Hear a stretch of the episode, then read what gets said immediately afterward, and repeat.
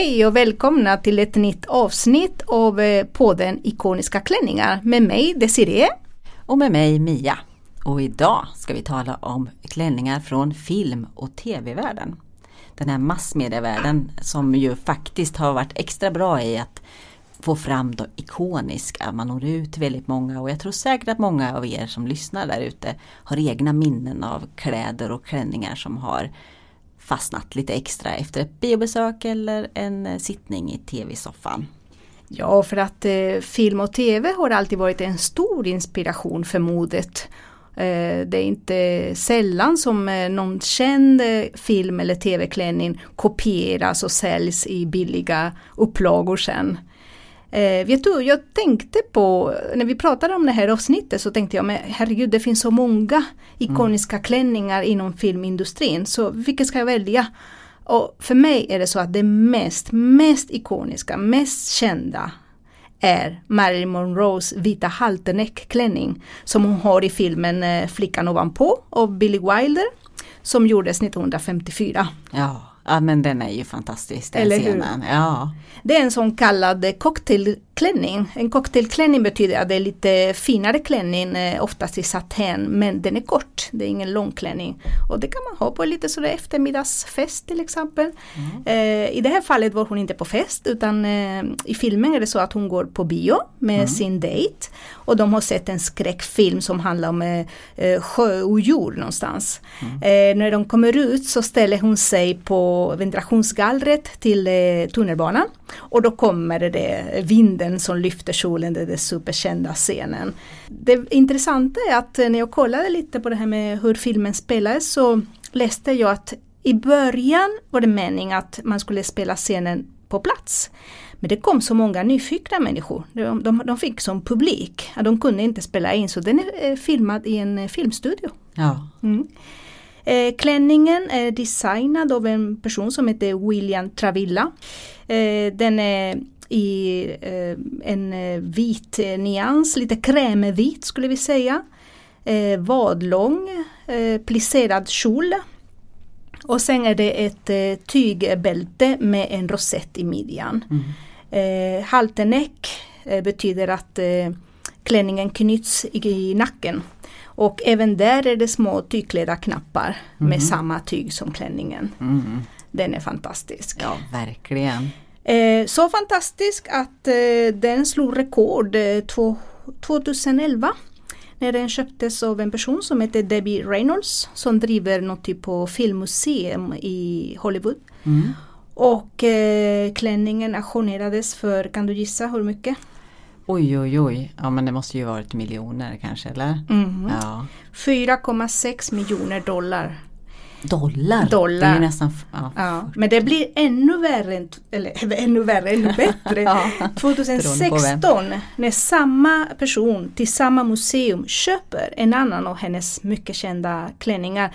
Nämligen den kristallbroderade klänningen som hon bar till Kennedys födelsedagsfest. Den gick på 4,8 miljoner dollar istället. Den är lite speciell det tillfället när hon kommer ut på scenen. Eh, för hon blir annonserad, hon blir försenad om det var trafiken eller vad det var. Och eh, så hon kommer in lite försenad och då så ropar den här ja, speakern eller den som ska prata då säger ja men nu är hon i alla fall här The late Marilyn Monroe säger han. Och the late det betyder den nyss avlidna. Oj. Faktiskt. Och det var bara, ja, och det var bara typ en liten kort tid innan hon faktiskt dog. Oj det Sen var ja. olycklig kommentar. ja precis. Men eh, har du någon annan eh, filmfavorit? Ja, jag funderar också på, okej okay, film, var ska man börja, var ska man börja? Men för mig tror jag i alla fall att det, det måste ha börjat på 90-talet när Pretty Woman kom. Ja. Förstås, och den har ju många kläder i sig som är ikoniska men hennes klänning som hon har på eh, poloscenen, alltså när de är ute och spelar hästpolo. Den är ju helt fantastisk. Då den här eh, i ett brunvitt prickigt tyg, ärmlös och liksom passande lagom längd med små vita skor till och den här vita stråhatten. Mm. Så är hon ju ute då bland eh, societeten i Los Angeles lite sådär engelsk inspirerande också då. Och eh, börjar föra sig lite. Pretty Woman är ju en modern eh, eh, Eliza historia eller My Fair Lady. Om en, en person som har en viss bakgrund som då försöker skola in sig eller träna in sig i en annan bakgrund. Och hon avslöjar sig lite där när hon gör det här woo. Ja. på eh, när någon vinner någonting i poolen då. Och i den filmen är det flera klänningar som är värda att nämna. För till exempel minns jag fel att de går på opera. Hon har aldrig varit på opera och då kommer hon ut i en underbar röd klänning kan det vara. Och hon har ju nästan, alltså, det är lite Birgit Friggebo-varning på den där urringningen då för att hon har ju man säger, paketet på hyllan. så, då, så att det är ju fantastiskt fina kläder. Ja. Och hon får låna juveler. Och det är ju lite speciellt, jag läste det att eh, Richard Gere han öppnar ju den här lådan så hon får titta på det. Och så börjar hon, som man gör nästan som barnen gör när man ser något intressant, man tittar med fingrarna och vill liksom Ja. känna på. Och då låtsas han stänga den där. Ja, precis, ja. ja. och det hittar han på, det var inte inskrivet i manus. Så det är en spontan grej Ja vad härligt. faktiskt, så det är lite kul. Alla Richard Geres kostymer syddes upp. Så då. Och man tänker sig kläderna gör mannen eller kläderna gör vad man, eh, hur man är och så. Och en viktig del i den här filmen är ju att eh, när hon är på den här polobanan och blir ifrågasatt av eh, Richard Geres bästa vän då, om hon, han verkligen, han vet ju hennes bakgrund att hon kommer från gatan och så då. Så känner hon sig inte bekväm i, utan sina egna kläder. Hon känner sig lite utklädd då också. Så det är lite speciellt. Och en annan viktig grej också är att eh, när de är på eh, operan så spelar de eh, La Traviata som Ja. också handlar om en prostituerad Precis. människas resa. Våra symboler. Ja. Så Pretty Woman har ju varit en väldigt viktig förstås tänker jag. ja. Ja. Eh, Ja, annan eh, viktig, väldigt betydelsefull eh, klänning eh, inom filmer det är eh, Audrey Hepburns eh, svarta klänning som hon bär i filmen Breakfast at Tiffany's. Den är gjord av Blake Edwards eh, 1961. Eh, med den klänningen utmyntades också det kända begreppet Little Black Dress eller LBD som vi känner det idag. Det är alltid det här ja, lilla enkla svarta klänningen som alla kvinnor ska ha i garderoben. Som räddar en från olika situationer. Man kan styla det på olika sätt så kan det se ut eh, med olika stilar och så. Ja, visst. Eh, designer var en väldigt känd eh, fransk designer som hette Givenchy, huset Givenchy. Som dessutom var väldigt nära vän till Audrey. Men eh, han eh, får eh, uppgiften att han ska designa en klänning till eh, filmen och han gör det och han till och med handsyr klänningen. Och så kommer han och levererar och när filmproducenterna får se klänningen så säger de nej nej, den är inte anständig. Nej. Vet du varför? Nej. Därför att den hade slits på sidan. För att då- de skulle kunna gå. Ja, precis. ja, annars är det omöjligt. Eh, Ja. Men eh, nej, det gick inte för då såg man hela benet. Det var inte så proppert. Men eh, då, då var det en annan person som fick göra om klänningen. Och då är det en version som inte har slits. Och det ser man på filmaffischerna. Hon bara står naturligtvis. Det är som en liten eh, sjöjungfru kan man Ja. säga. Man kan inte ens gå i den. Och då ville inte Givenchy kännas vid. Han sa att eh, det är inte min klänning för ni har gjort om. Så han sparade originalet. Eh, båda klänningarna kan jag berätta, både originalet och den omgjorda eh, auktionerades också. Mm. Sen och eh, alla pengar gick till eh, fattiga barn i Calcutta. För Audrey Hepburn var väldigt engagerad i den frågan. Eh, det är också fint att se hur eh, klänningen är stylad. Alltså det alla, man skulle nästan kunna säga att eh, accessoarerna, komplementen är nästan lika viktiga som klänningen. Och det är det superkända munstycket. Mm. Det är de långa sidenhandskarna.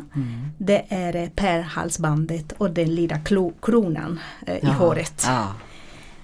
Som vanligt eh, brukar de här kända klänningarna komma tillbaka sen många, många år efter att man gör som en liten cover skulle man säga om det var en låt. Jag vet inte vad det heter nu när det gäller klänningar. Nej. Men i Ett alla litet fodral kanske man säger Ja, istället för ja, en precis. cover. Ja.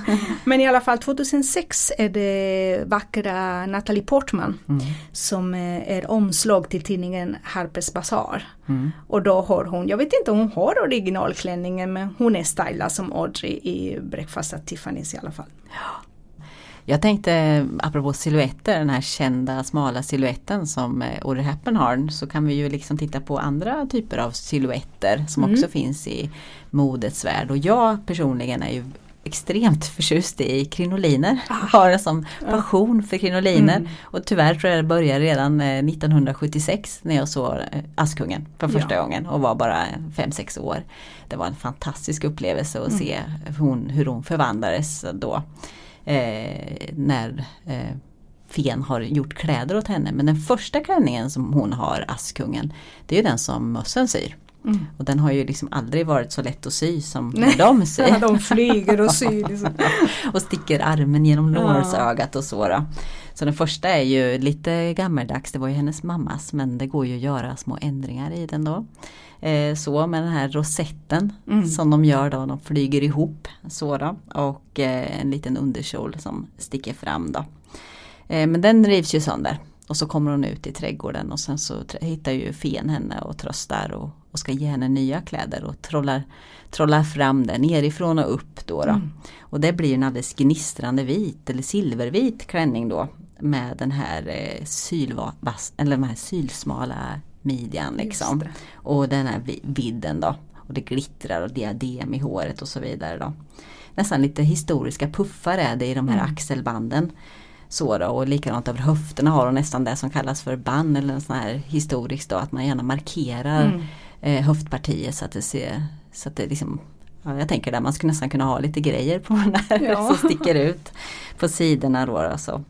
Och sen så har hon ju lite 40-tals pumps liknande skor av glas. Just det, de kända, de kända skorna. Ja, ja, precis de kända skorna som mm. spelar en väldigt viktig roll. Mm. Den här klänningen är då silvervit när hon får den men sen eh, sakta men säkert så blir den mer och mer eh, Lite blå eller? Den blir lite blå. Ja, jag minns den blå faktiskt. Ja, för mm. att den, när hon får den är den mm. silvervit. Jag vet inte om den blir smutsig eller vad det är men den blir liksom blåare och blåare. Ja. Och alltid från bilder från alltså McDonalds mil och sådär, då är, det ju, då är den ju blå, den är ju mm. aldrig vit. Då, då. Den här filmen kommer ju från 1950 och jag har läst eh, ganska nyligen att den räddade faktiskt Walt Disney-firman från att gå mm. under. För de hade gjort flera filmer som var väldigt, som gick dåligt helt enkelt. Mm. Så det var deras räddning. Och de körde en klassisk saga och så la de till det här originella med mössen och djuren. Då då. Eh, men jag tänkte också att den här siluetten som hon har den liknar mm. ganska mycket The New Look. Ja, den som kom Christian bara, Diors eh, ja, New Look. Ja, precis, som kom då 1957 och mm. som eh, hängde i ett bra tag på 50-talet. Markerad midja, jättestora kjolar. Ja, ja precis fast inte riktigt så långa då Nej. som en vanlig krinolin. Och tittar man på fler Askungen klänningar så kom det ju även en människoversion av mm. Askungen 2015.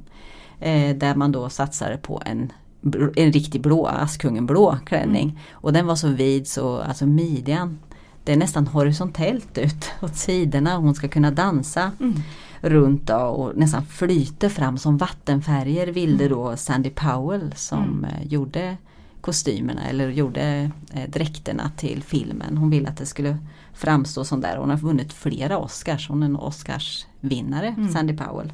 Tror du att det kan komma tillbaka det där modet? Jag menar modet eh, recyclas hela tiden men eh, krinolin eller turnyr som, är, som en liten kudde som man hade i baken också. Mm. Kan det komma tillbaka det där? Ja kan det det? Alltså, ja. jag tänker att Är vi för praktiska nu kanske? Ja alltså grejen är att den här vida kjolen den kommer ju ingenstans utan den smala midjan. Mm. Den smala midjan kräver ju Just någon det. typ av justering. Va? Så att mm. du har Förr i tiden var man tvungen att använda valben eller andra typer av hårda strukturer som tryckte ihop. Nu för tiden har man ju spandex mm. som man skulle kunna ta som en väldigt, om man säger som en tjock nylonstrumpa som drar åt.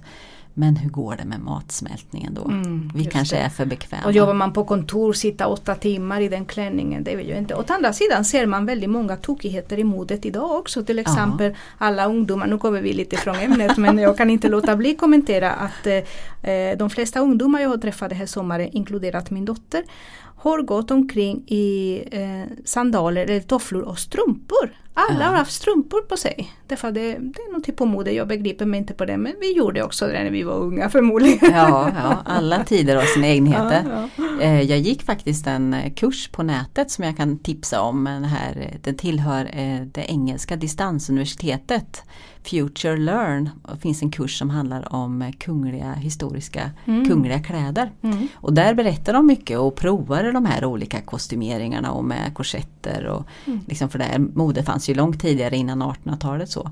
Och då så visade det sig att det var väldigt bekvämt.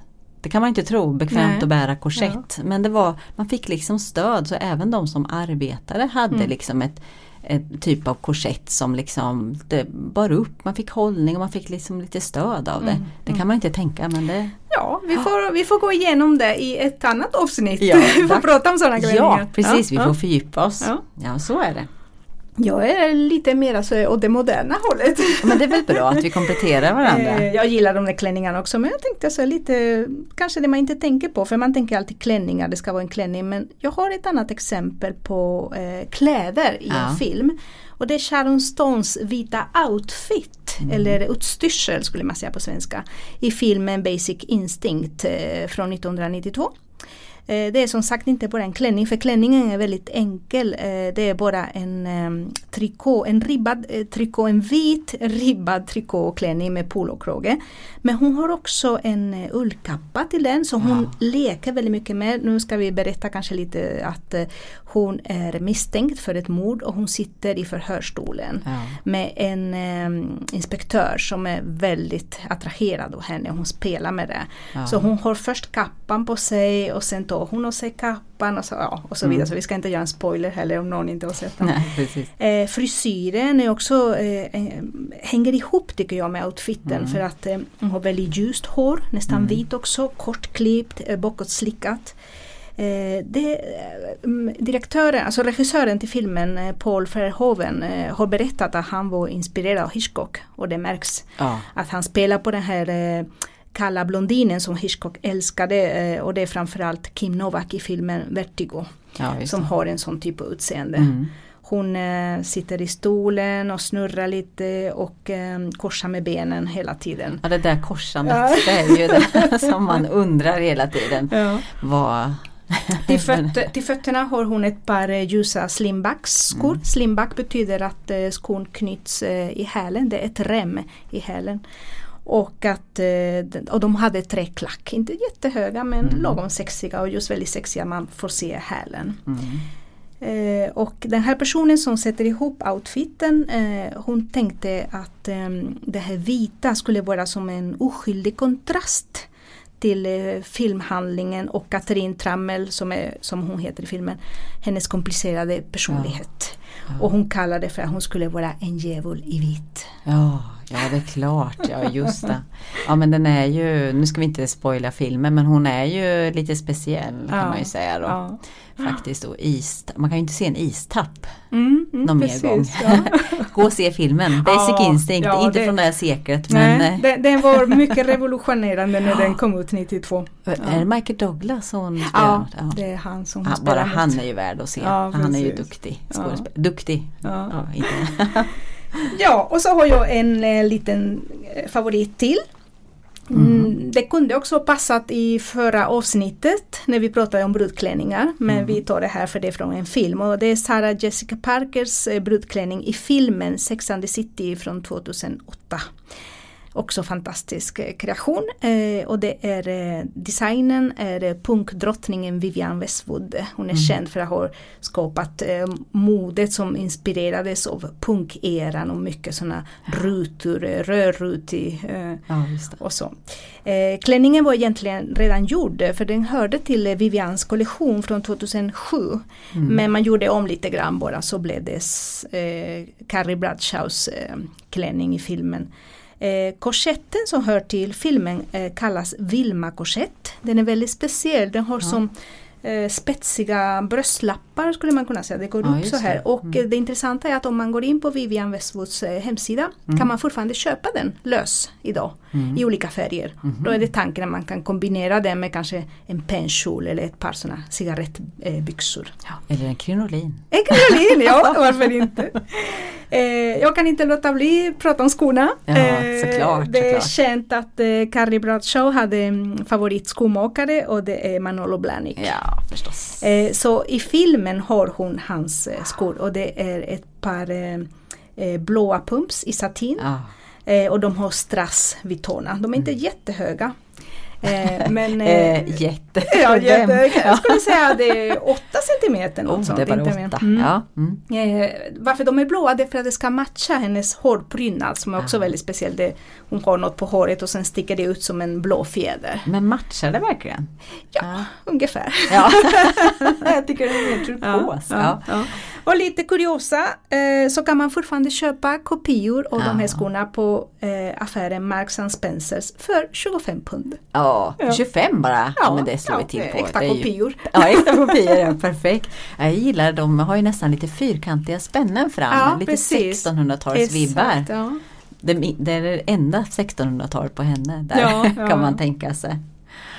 Ja, detta var idag filmklänningar men eh, ja som vanligt så planerar vi flera avsnitt. Vi har massa med idéer men vi välkomnar också idéer om du kanske har någon favoritklänning, någon favoritartist eller stil du vill att vi ska prata om så är vi öppna för förslag. ja, kom gärna med förslag. Vi, vi tänker nog prata mer om, vi har lite idéer om bland annat Nobelklänningar och kanske historiska kläder och omöjliga klänningar och så. så att vi, och d- ju mer vi tänker på det, desto fler avsnitt kommer vi på. Ja, och vi kan även prata, eh, vi har tänkt att eh, ibland förtjänar en person ett eget avsnitt. För Ja. tänk er Diana till exempel, Mm. Lady Diana, att vi skulle kunna göra ett avsnitt bara med hennes kläder. Mm. Det finns väldigt mycket. Verkligen, kanske en hel serie. Mm. Ja, eh, sen vill vi ju också tipsa. Nu är vi på eh, Folkbiblioteket. Folkbiblioteket håller ju på mycket med folkbildning.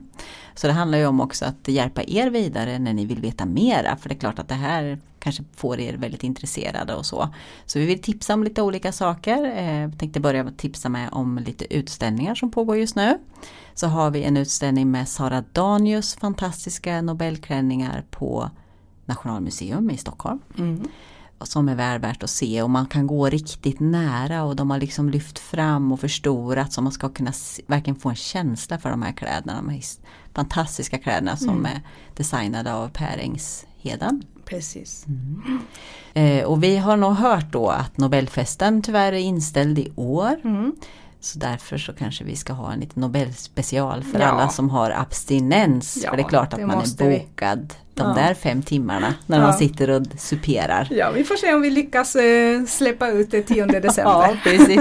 Det återkommer vi till i så fall. Eh, men det var allting för idag. Vi, vi lämnar lite länkar och så, så Mm. titta på det längst ner i beskrivningen. Sådär. Mm. Och så önskar vi er välkomna tillbaka till Mm. nästa avsnitt. Mm. Tack så mycket, Ja, hejdå! tack, hej då!